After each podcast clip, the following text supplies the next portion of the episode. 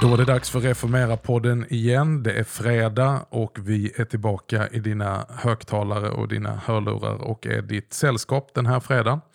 Vi passar på att uttrycka ett stort tack för alla er som hör av er med glada tillrop eller med frågor eller förslag eller synpunkter av olika sätt och vis. Vi tar emot det med glädje och det känns eh, väldigt kul med det engagemanget. Jag har ju möjligheten och för dig som kanske lyssnar på oss för första gången så heter jag Magnus Persson. Arbetar centralt för EFS Sverigeavdelning utifrån kansliet i Uppsala och har hand om våra samverkansprojekt, samarbetskyrkor och samverkanskyrkor i Svenska kyrkan. Och Det här är alltså Reformera-podden där vi talar om kyrka och tro utifrån ett helkyrkligt perspektiv.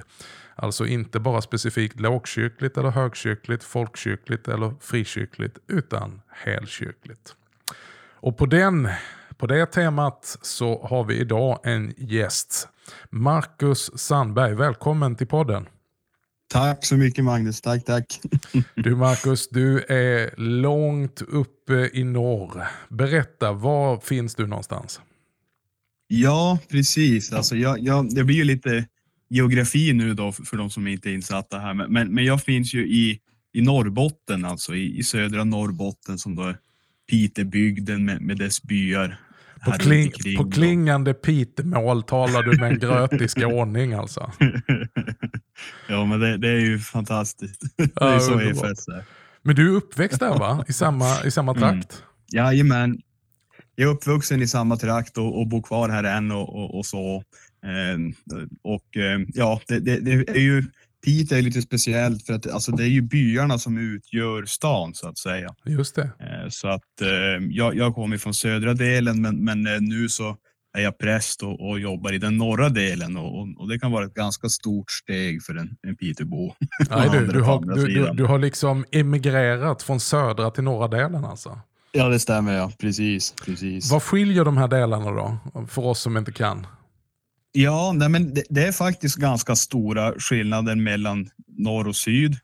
Jag är från Hortlaxkretsen och, och, och där har vi en historia av att vara lite sådär frikyr, inte frikyrkligt lagda, men, men, men eh, kyrkan och eh, missionshuset eller bönhuset har inte haft den bästa historien eh, genom tiderna. Men idag så är det faktiskt väldigt gott samarbete. Men men tidigare så har det varit mycket, mycket skilda linjer och, och, och det har gjort att EFS här har fått sin prägel på den södra sidan. Medan den norra sidan till exempel, där har man haft ett mycket tätare den är samarbete. Mer, den är mer svenskkyrklig. Ja, den är mer svenskkyrklig på så sätt att, att eh, EFS-arna då i norr, de har varit både i Svenska kyrkan och i EFS. Alltså att man har varit man har inte gudstjänster samma tid till exempel, så man kan gå på båda och sådär. Mm. Och, och, det, det är sådana rester som hänger kvar än idag, att vi mm. klockan 18 träffas vi då. Just och inte klockan 11 på högmässotiden. Men, mm. Ja, men det här är spännande. Marcus, du är alltså vigd till präst i Svenska kyrkan för tjänst i EFS och idag är du präst i? Idag är jag präst i, i Norrfjärden eh, och dess byar där runt omkring. Eh, det är lite mindre sammanhang där kring också. Mm. Eh, mm. Och, och, Vad vi ska tala om, för det här tycker jag är jätteintressant, det är ju att det är en rik historia som finns också rent kyrkligt där uppe som inte bara har påverkat Norrland utan faktiskt påverkat hela landet. Olika skeenden i olika tider. Så jag tänkte att det här ska bli ett, det här ska bli ett samtal om svensk kyrkohistoria. Och mm, mm. när man ibland säger väckelsehistoria, då tänker alla på frikyrkorna. Men det är ju så att det finns en rik inomkyrklig väckelsehistoria som var faktiskt vaggan, eller ska vi säga roten till alla andra väckelser som sedermera blev frikyrkor. Och det här har ju du djupdyket i i dina egna sammanhang. Eh, flera stycken har ju hört talas om, kanske lite ytligt, men väldigt få kan det. Och när jag läste lite vad du hade skrivit, och jag är ändå lite nördig och tycker om det här, så tänkte jag, mm. det här vill jag prata med Mar Marcus mer om. För ett uttryck som många har stött på, även om man är sekulär, eh, som ibland har blivit någon sån här skällsord för kristna, det är ju läsare. Mm. Men det har ju en speciell historisk rot, inte mm. minst mm. i dina mm. sammanhang. Ska vi börja där mm. någonstans? Ja, precis. Och, och, det är ju som du säger att det finns egentligen två händelser från Piteå som har påverkat varenda svensk. Mm. det, det, första är 1500-talet då, då, då, det finns en ärkebiskop här som kallas för Botniensis eh, som, som var en av huvudgestalterna i Uppsala möte. Just det. Eh, och, och det andra det är nu den här väckelsen och, som kallas för nyläsarväckelsen mm. Eh, som kommer direkt ifrån Piteå. Och, och, och, vi pratar om det här med läsarrörelsen och det är en ganska rolig historia just i själva ordet. Mm. Vad en läsare är för någonting. För att eh, eh, pietismen, vi kommer komma tillbaka till det i det här samtalet, men, men i pietismen så, så, så, så var staten då väldigt Eh, anti att, att det började samlas folk i, i egna konventiklar som det kallas, egna möten och så. Eh, så att de gjorde en massa kraftansträngningar och en av de här kraftansträngningarna var att förbjuda ordet pietism. Ja, och om vi ska förklara det ordet pietist mm. så, så var det ju egentligen en, vad ska man säga, inom luthersk väckelserörelse som kom ja. inte jättelångt efter reformationen. Somliga kallar ju det för den fullbordande reformationen. Det vill säga ja. att, att eh, om, om 1500-talets reformation från Wittenberg gick in och, och, och, och liksom vad ska man säga, skruvade på själva liksom, teologin, om vi mm. generellt säger det, så talade ju pietisterna väldigt mycket om att få det från huvudet ner i hjärtat och ut i ett helgat ja. liv. Men hade då mm. vissa, kan vi säga, lagiska drag kanske? Ja, precis. Alltså, det var ju viktigt det här med att inse syndafördärvet. Mm. Eh, folk satt lite för trygga, menade mm. pietisterna då. Och, och, och därför var man tvungen att skaka liv i dem.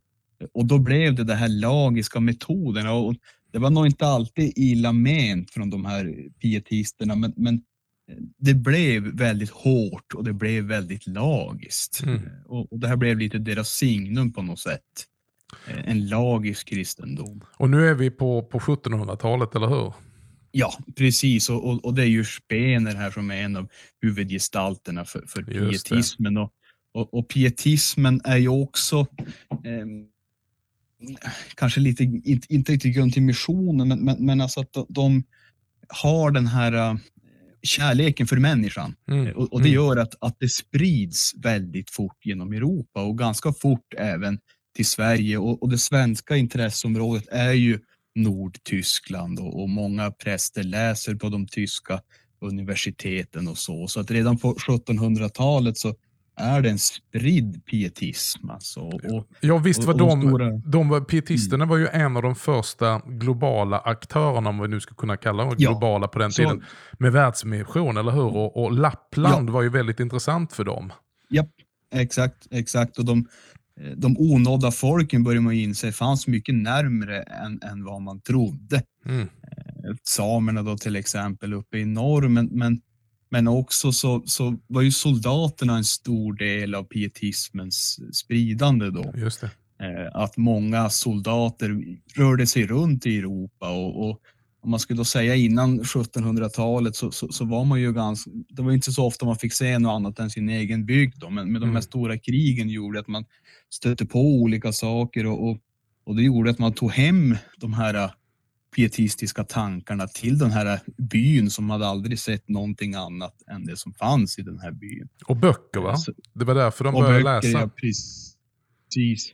Jajamän, och, och böcker också. Så att eh, när de förbjuder då pietister så eh, då får de inte ens använda det präster i predikan. Det är ganska många präster som faktiskt är pietister. och, och, och, då börjar man använda det för att man är läsare mm. istället för pietism och läseri mm. istället för pietism. Så att där, egentligen kommer ordet läsare från, från pietister. Men man läste, men, men, eh, man läste då, mm. vad, vad, var det man läste? För det, det, är ju, det är ju ett ord som kommer ur det, att ja. man samlades till byaböner och ja. mindre grupper och läste, vad var det man läste för någonting? Ja, först och främst så, så, är det ju den heliga skriften som, som man läser. Eh, och det här är ju en av pietismens grundbultar, alltså att, att man ska läsa Bibeln både i hemmet och i samkomsterna. Mm. Eh, och det kan låta konstigt idag, men man får också tänka att det fanns ju inte så många biblar runt i landet och, och, och, och prästerna höll ju ganska hårt om, om Bibeln. Sådär. Mm. Mm. Så, så, att Bibeln är ju det första och främsta, men, men sen finns det också vissa sådana här pietistiska förgestalter som kanske inte är pietister men, men, som de bygger mycket på. Och då är ju Arndt är ju en sån här, kallas för pietismens farfar då. Eh, och, och, hans sanna kristendom. Ja, en, en av de mest sålda böckerna på den ja, tiden. Ja, Eller spridda ja. kanske vi ska säga. Ja, ja, ja visst, visst. Eh, och, och väldigt omtyckt. Eh, men sen också så eh, finns ju pietismen har, har ju den här kärleken till människan och mycket att lära folk att läsa också. Det kan man ibland glömma, men det är en viktig punkt inom pietismen, men även inom lutherdomen i stort. Alltså ja, en stor samhällstjänst man gjorde där, en stor insats. Ja, ja. Men, men sen är det så att staten är ju inte förtjust i pietismen för att då tappar man ju kontrollen över kyrkan. Det här är ju enhetssamhället som håller på att lösas upp egentligen och man mm. gör det man kan så att det förbjuds att vara pietist och att läsa mm. tillsammans. Mm. Med då egentligen ett undantag för, för de nordligaste länen. Alltså det. det. som man kallar för Norrland, men, men som vi gärna kallar Norrbotten och Västerbotten och Ångermanland. Dit inga präster vågade sig. precis. precis. Nej, men man, man, hade dispens där uppe från ja. att träffas för att det var så långa avstånd mellan kyrkan kyrkan och så var det ju samtidigt plikt att gå i kyrkan och det här gick ju så mitt ihop. Ja, just det. det var ju matematik och så sen på, på våren med isarna och så där så var det svårt att ta sig till kyrkan och, och då fick man träffas i byarna och ha som en, en byabön eller en byagudstjänst som, som lekmän mm. ledde. Och, och det här var ju egentligen bara utifrån situationen. Det var ingenting man, man tyckte om, men man fick läsa böcker som, som prästerna då hade valt ut. Och prästerna var ju oftast rätt så pietistiskt lagda. Så att det blev ju då många av de här lite svenska 1700-talsböckerna som man läste i början på 1800-talet. Och, och, och, då är det ju främst den här kända Norborgs Postilla. Just det. Just det. Eh, han är nog en av Sveriges mest kända predikanter mm. Eh, genom tiderna, fast man vet inte så hemskt mycket om honom. Men, men, men, han har varit väldigt omtyckt. Sådär. Men du, det här är ju revolutionerande sett ur en samhällsutveckling. Mm. Här är ju ja. då de här eh, inomkyrkliga väckelserörelserna Eh, kärt barn har många namn, men de är mm. ju med och långt innan, alltså utifrån ett lekmannaperspektiv och ett medborgarperspektiv, så är det ju revolutionerande att man då eh, ger lekmännen denna möjlighet och eh, inflytande, eller hur? Ja, men det, det, det kan man ju säga. Eh, sen så är det ju ingen total frihet inte, utan prästerna är ju ofta eh, lite övervakare över mm, det här, ska mm, man, ska man mm. också tillägga. Men, men, men det, det, som det gör är ju att, att folk får ett mer religiöst själv självförtroende alltså ut, ute bland människorna. Och det här tror jag kanske blev lite unikt för norra Sverige just och de här byabönerna.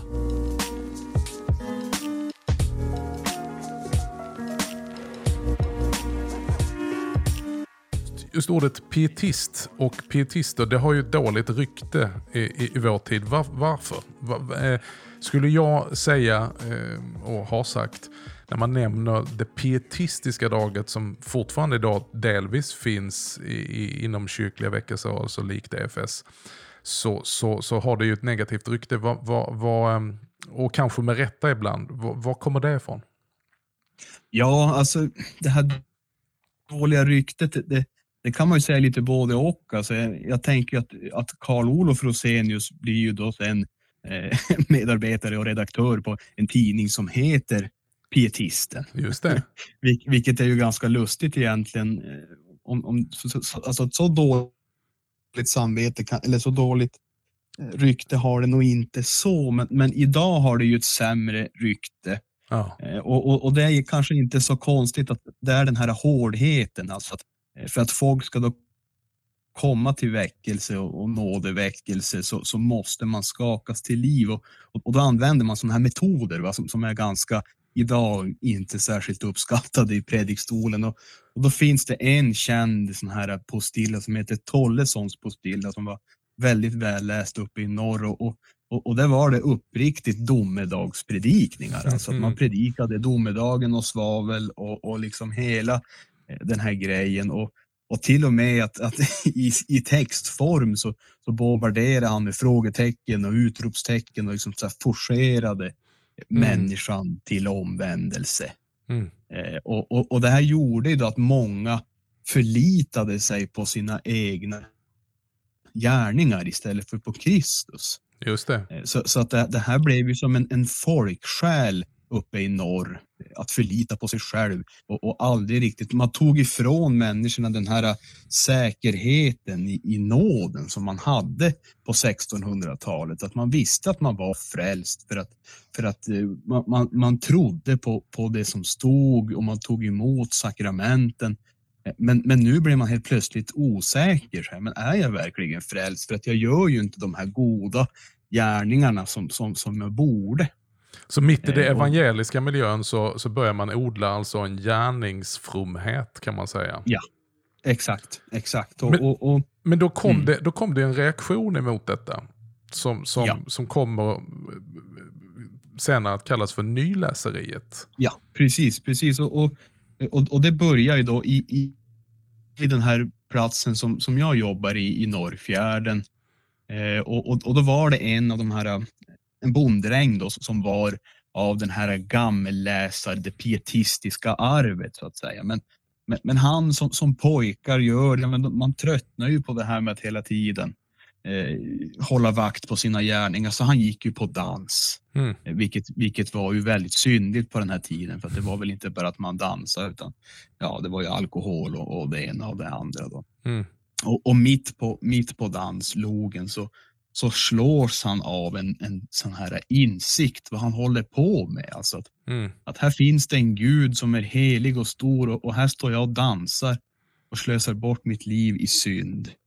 Eh, så, så, att han ställer sig och predikar för alla de här ungdomarna på logen. Eh, men vad håller vi på med liksom? Mm. Vad, vad är det här som händer? Så, så, att han får som en, en, en ett, ett uppvaknande skulle man kunna säga. Och en av eh, dem som fanns med där, det var ju Karl-Olof Rosenius pappa. Ja, precis. precis. Och, och, och, han är ju från en av grannbyarna i Rosvik. Då, därifrån han har tagit sitt namn, Rosenius, som ja. kommer från Rosvik. Då. Eh, och han är en av de här också som, som drabbas hårt. Och, och, och det är ett till gäng pojkar som, som, som, som verkligen lyssnar till den här predikan som, som den här Per Brandell, som han heter, pojken eh, håller. Och, och, och, och, och, de, och de vill verkligen leva ett heligt liv. Alltså. Och, och, och, och det här blir början till nyläseriet. För att i deras försök av att leva ett heligt liv så, så, så, går de ju tillbaka till det de känner till. Alltså, det är ju det här gammelläseriet och, och pietismen. Men, men när man har syndanöd och så får man istället, ja men gör bättre. Det, det, det, det är ju som att, som att eh, få ett, ett, glas vatten som är tomt och säga men drick dig, drick dig mätt i princip. Alltså det finns ju inte i dem. Då. Jag brukar säga, jag brukar säga det, det, det, är som jag som är en tunnhårig människa. Det är som någon skulle säga så att du ska inte tappa håret. Sluta ja, tappa exakt. hår va. Men det är jättejobbigt, ja, jag vet, jag vill inte heller själv men det bara tappas ja. ändå. Jag kan inte göra någonting åt det. Ja, och de, kände nog så ungefär att, att det gick som inte hur mycket de än försökte. Då. Och, och, och det här drev ju de ju in i fördärvet. Mm. att de, de, vad händer då? Ja, men då börjar man ju lite grann som Luther är inne på, att då hatar man Gud istället, mm. istället för att älska honom. Eh, och, och det, de har ganska lik liv här med Luther. Och, och, då blir det faktiskt Luther som blir deras väg ut. Mm. Utan, eh, för att det, det, det är fortfarande okej okay att läsa Luthers skrifter i de här prediko eller i de här byabönerna. Så att det finns ganska många lutherska postille. Mm. Eh, och, och, då läser de Luther och, och, då finns det en beskrivelse hur, hur Per Brandell här, hur han får som ett sken rakt igenom sig medan han läser. han som inte förstått det här med nåden Mm. och med rättfärdiggörelsen genom tron förrän han, han läser Luther. Eh, Och här egentligen är ju den riktiga väckelsen. Det är ju inte, väckelsen kommer ju inte med att de vänder om från synden utan den kommer egentligen när de börjar läsa Luther och, och, och verkligen kan vila i sin egen nåd och de blir saliga helt enkelt. Ja, få, få tag i kraften, alltså den nyskapande kraften som finns i evangelium. Ja, men så, så är det verkligen. verkligen. Eh, och, och, och det här eh, det låter lite märkligt för att Luther har ju alltid funnits va, i, i Sverige. Mm. Men, men, men man, det blir väl så att man tröttnar på honom. Jag tänker, eh, så, så kan det väl bli än idag. Att, Mm. att, eh, att vi, när vi läser Luther så känns det mossigt och, och vi tänker på vår farmor och farfar eller något sånt där. Och det, det är nog inte konstigt att det var så på den tiden heller. Nej, precis. Men, men det som är så fascinerande som du är inne på, det är den här kraften i nåden som, som, som går över Luther. Alltså, när man, människa får ta emot nåden när man är så här eh, på knä av sin Mm. egen synd. Mm. Eh, det, det, det är liksom samma skaparkraft som, som, som skaparkraften i första Mosebok. Exakt.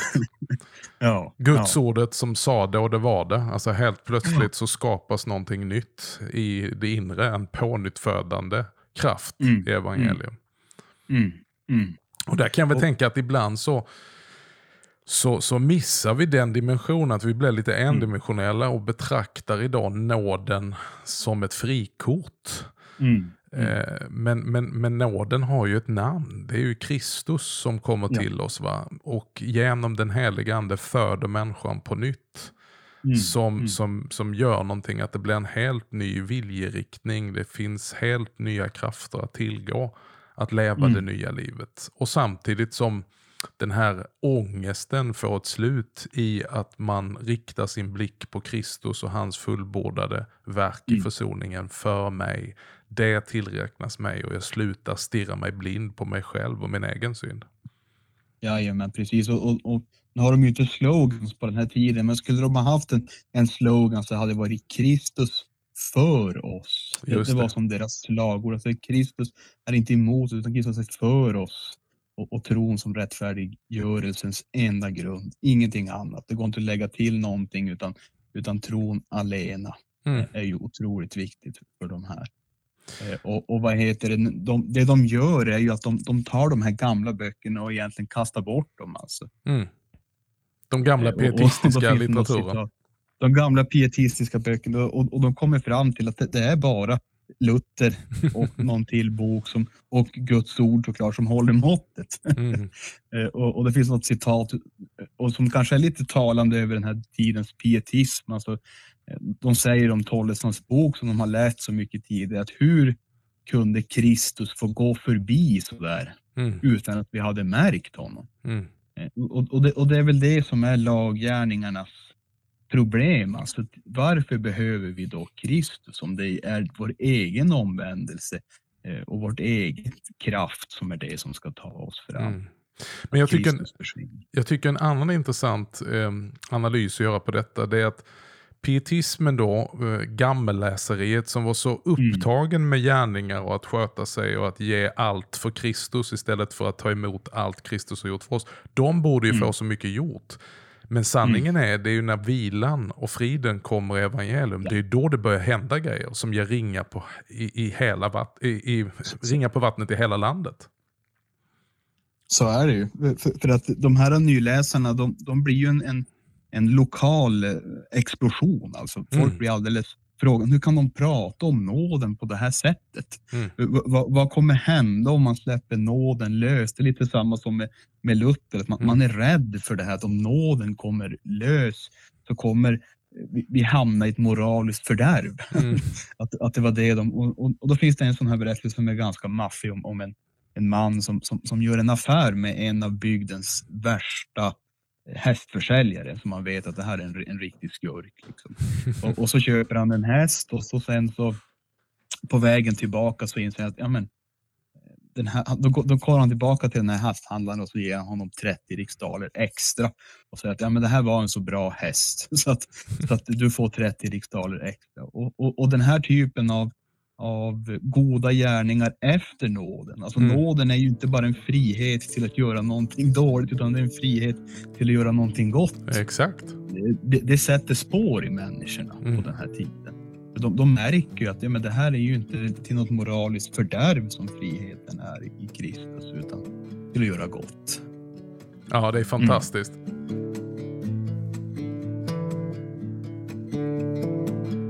Och det här, det finns ju då, var- var- varför jag tycker det är intressant att tala om det, det är för att detta blir ju det som under, om vi tittar då på, på, på den stora kyrkan, svenska kyrkan under 1800-talet, så är det ju en ganska Mm. mörk och dyster historia. Mm. Där, där, som präglas av sin tid med upplysning, eh, Mm. rationellt tänkande. Mer och mer kommer det in i, i vetenskap och man, man tömmer kyrkan helt enkelt på liv. Mm. Man, man stryker bort det övernaturliga, man tappar bort evangelium. Och Mm. idag är det många som skulle säga att ja, men Svenska kyrkan är evangelisk-luthersk och vi talar om nåden. Men det är ju mycket eh, på grund av den betydelse som den inomkyrkliga väckelsen har haft och det du berättar. Mm. Som Mm. började med ett gäng ungdomar och män dessutom. Unga män Mm. uppe i, Mm. utanför Luleå i, i, i norraste Norrland. Som sen blev en rörelse. Som, Mm. eh, som eh, ja, därifrån tog fart. Mm. Eh, Mm. och bland annat ledde till EFS bildande. Karl-Olof Rosenius och hans skrifter som näst efter August Strindberg och Selma Lagerlöf är den mest lästa svenska författaren. Mm. Så, så är det ju.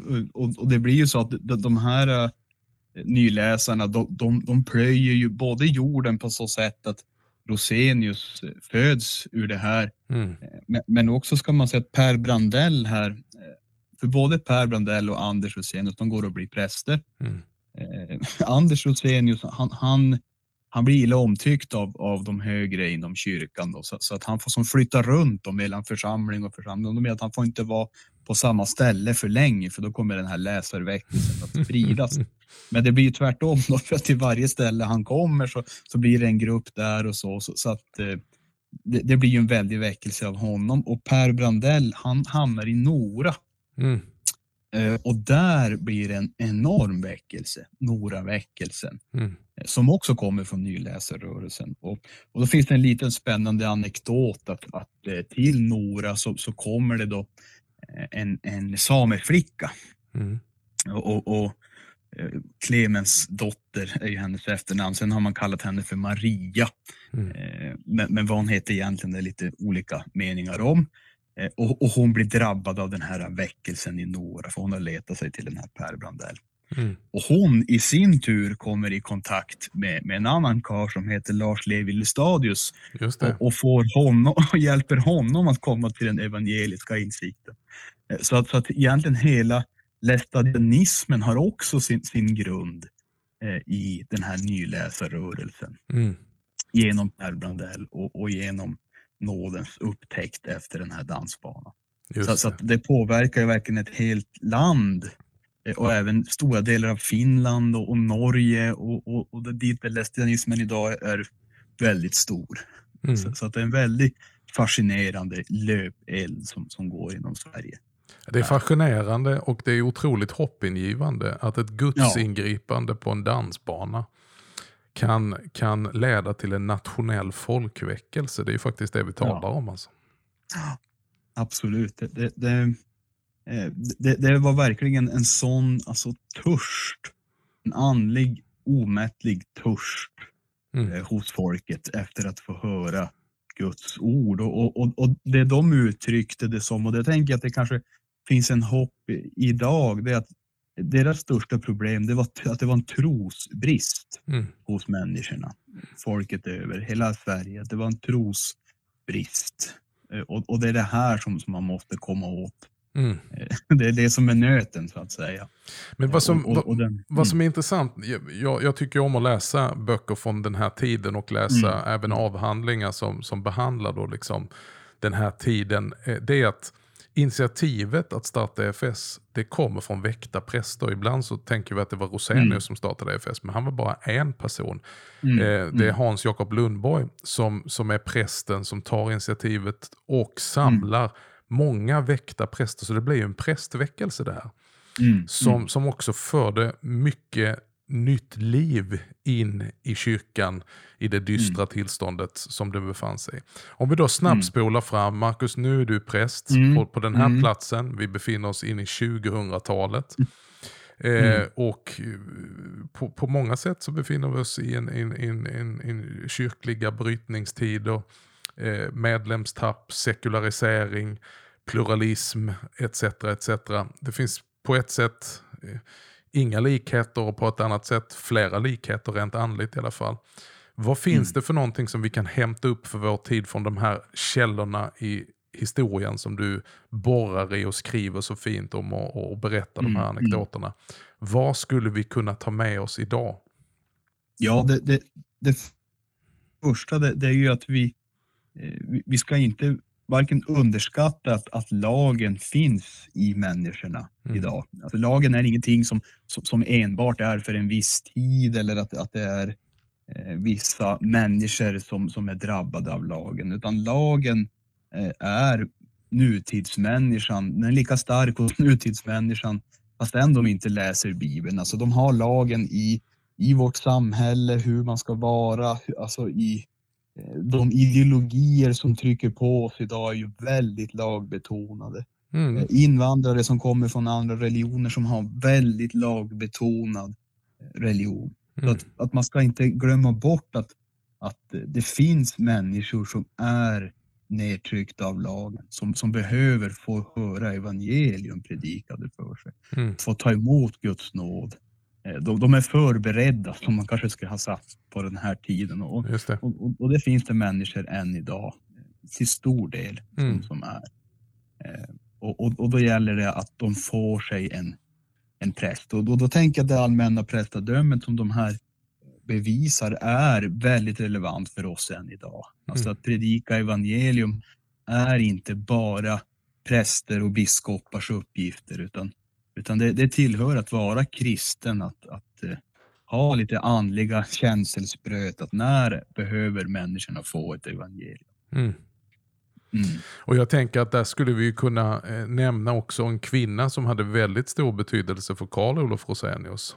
Mm. Eh, Maja. Som, Ja, som, som var hans, eh, en, en lekman som, som eh, Ja. var en, en kristinna helt enkelt. Som var hans själavårdare och hjälpte honom till genombrott. Mm, mm. Precis, och, och, och, Maja här, hon är ju också en, ett resultat av, hon är ju ganska nära Peter fast hon är som från norra Skellefteå då och blir ju omvänd av de här nyläsarna. Mm. Eh, och, och, och hon är ju väldigt bra exempel för oss människor idag för att hon, hon har egentligen läst Luther så pass mycket att hon kan Luthers predikningar utan till. Mm. Och det har gjort henne till, till det som Rosenius då menar är den visaste och, och den mest fantastiska av alla läsarna. Den Mm. mest själavårdande, den mest kyrkotrogna av, av läsarna. Eh, och, och jag tänker att vi kan ju vara Lutherläsare på, på vårat sätt idag och, och verkligen se bort ifrån det här med äldre formuleringar och så, utan försöka känna oss in i Luthers kamp och i hans omvändelse. För det, det, det återkommer tid efter tid. Alltså. Mm. Men de var så gripna på den här tiden. Jag tänker att, att Mm. Maja påminner väldigt mycket om kvinnan i början, eh, Stengrunden, en, en roman, Mm. en väckelseroman eh, som Bo Hjert Mm. skriver som, som utspelar Mm. sig Mm. un, ungefär samtidigt. Den första berättelsen där Johannes ligger för döden. Eh, Mm. och har kallat efter prästen för att man, man vet att han har, inte, han har inte många timmar kvar. Och prästen Mm. kommer dit och är fumlig och vet inte riktigt hur han ska kunna förmedla ett evangelium som faktiskt innebär Mm. frid. Och då är det den här kristinnan, en kvinna som stiger fram och hon är full av Luther. Och hon är Mm. full Mm. av nådens evangelium. Mm. Och eh, eh, säger det och formulerar sig så otroligt bra. Jag tänker, om vi kan få till en sån väckelse att vi på nytt blir ny, ny läsare. Mm. så att mm. vi liksom bekantar oss med, med, med det innehållet och det får gripa vårt hjärta. Så att det inte bara blir akademisk kunskap eller kyrkohistoria. Mm. Utan evangeliet är ju levande. Det här är ju på död och liv. Ja, precis. eh, precis. Och, och, och, det finns många spännande. Det finns en som heter Sekri då som, som är en, en eh, fattig nyläsare som till och med med sin död alltså bevisar på, på omvändelsen han har fått ta emot ifrån Kristus. Där, eh, där han på sin dödsbädd liksom nästan hånar döden och, och, och skratt och, och tar emot livsfursten, sin frälsare. Eh, från att ha varit en, en väldigt, väldigt sorglig person tills att på dödsbädden ligga och, och verkligen känna den här friden. Alltså. Mm. Eh, och jag tänker det här med att lev, leva våra liv eh, som läsare, eh, att folk kan se en skillnad. Det, det, det är väl kanske det goda från pietismen som läsarna tar med sig på något sätt. Alltså mm. Att, mm. att, att, lämna ibland böcker och, och, och kyrkorum och, och, gå från by till by som Maja-Lisa här och, och, och läsarna gjorde.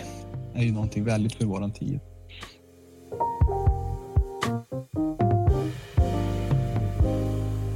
Du Marcus, tiden går fort när man har roligt. Det här är ju mm. någonting verkligen för, för, för dels nördar som du och jag som tycker om att titta i detta. Men jag tror varför vi tycker om det, det är för att det faktiskt också har en relevans för vår tid. Att här finns ja. ett, ett, ett innehåll och ett, ett, ett värde att, som är värt att återerövra i vår tid. Om du, om du ska avsluta som präst, när du tittar på kyrkan idag, vad är då kyrkans utmaning idag? Kyrkans utmaning idag, ska jag nog säga, är eh, tron här. Alltså att, att, eh, att predika tro eh, till människor på olika sätt. Och ibland tänker vi då predika som predikstol, men, men, men det är inte det. Men om, om, om vi får vara levande trosbekännelser, mm. hela, hela gänget. Alltså mm. Det står skrivet på våra armar och ben, trosbekännelse. Att vi, vi går ifrån tro som, som någonting vi inte vet utan att trons kraft på något sätt kan få, få gripa tag i oss. Just det, eh, som Hebreerbrevet säger, tron är en övertygelse om ting man inte kan se. Ja, en förvissning. Ja, och, och, och, vi lever i en sån tid av ovisshet och, och, och allting är relevant och, och, eller är att, att all tro kan, kan flyttas hit och dit. Men, men den kristna tron är, är en Guds kraft som leder till frälsning. Eh, och, och skulle vi kunna få ut det då, då tror jag vi har kommit en, en väldigt lång bit på väg för vår tid. Fantastiskt Marcus, det där blev ett mm. jättebra ord att avsluta på. Vi är långt över vår sändningstid men det här var värt att tala och tack för att du delar med dig och tack för att du eh, du rotar fram det här och skriver. Du skriver så bra. Jag har läst med stor behållning. Det var därför jag hörde av mig till dig och sa Marcus, du, det här måste vi tala om. Och vi får anledning att återkomma till detta. Vi får ha en del två längre fram här i Reformera-podden. Men Marcus Sandberg, präst i Norrfjärden, uppe i Norrbotten. Tack för att du delade dina tankar och din kunskap med Reformera-poddens lyssnare idag. Ja, men då, tack, tack för att jag får vara med. Ja, tack, tack. Ja, men Guds rika välsignelse i din fortsättning och eh, vi förväntar inget mindre än att du blir en, eh, en antändande gnista, gnista för ett, eh, en ny våg av läseri i svensk kristenhet och svenska kyrkan. Make Luther great again, höll jag på att säga. Och till dig som har lyssnat eh, och stått ut med oss ytterligare en, ett avsnitt där vi, där vi nördar in oss i de här frågorna så vill vi bara lyfta det perspektivet att vi tror det är viktigt att kyrkan hittar tillbaka till det som är kyrkans centrum, han som är kyrkans stjärna och kärna, Jesus Kristus och allt vad han räcker oss och ger oss. Han är Kristus för oss. Och ibland så sätter vi nästan kärran eh, framför hästen, höll jag på att säga. Eh, vagnarna framför loket istället för loket framför vagnarna. Och det är så mycket vad vi ska göra för Kristus. Men allt vi någonsin kommer att göra för Kristus bygger på att vi har förstått att allting hänger på vad Kristus först har gjort för oss. Vi älskar för att han först har älskat oss. Och med det så släpper vi dig till resten av fredagen och helgen och välkomnar dig tillbaka nästa fredag.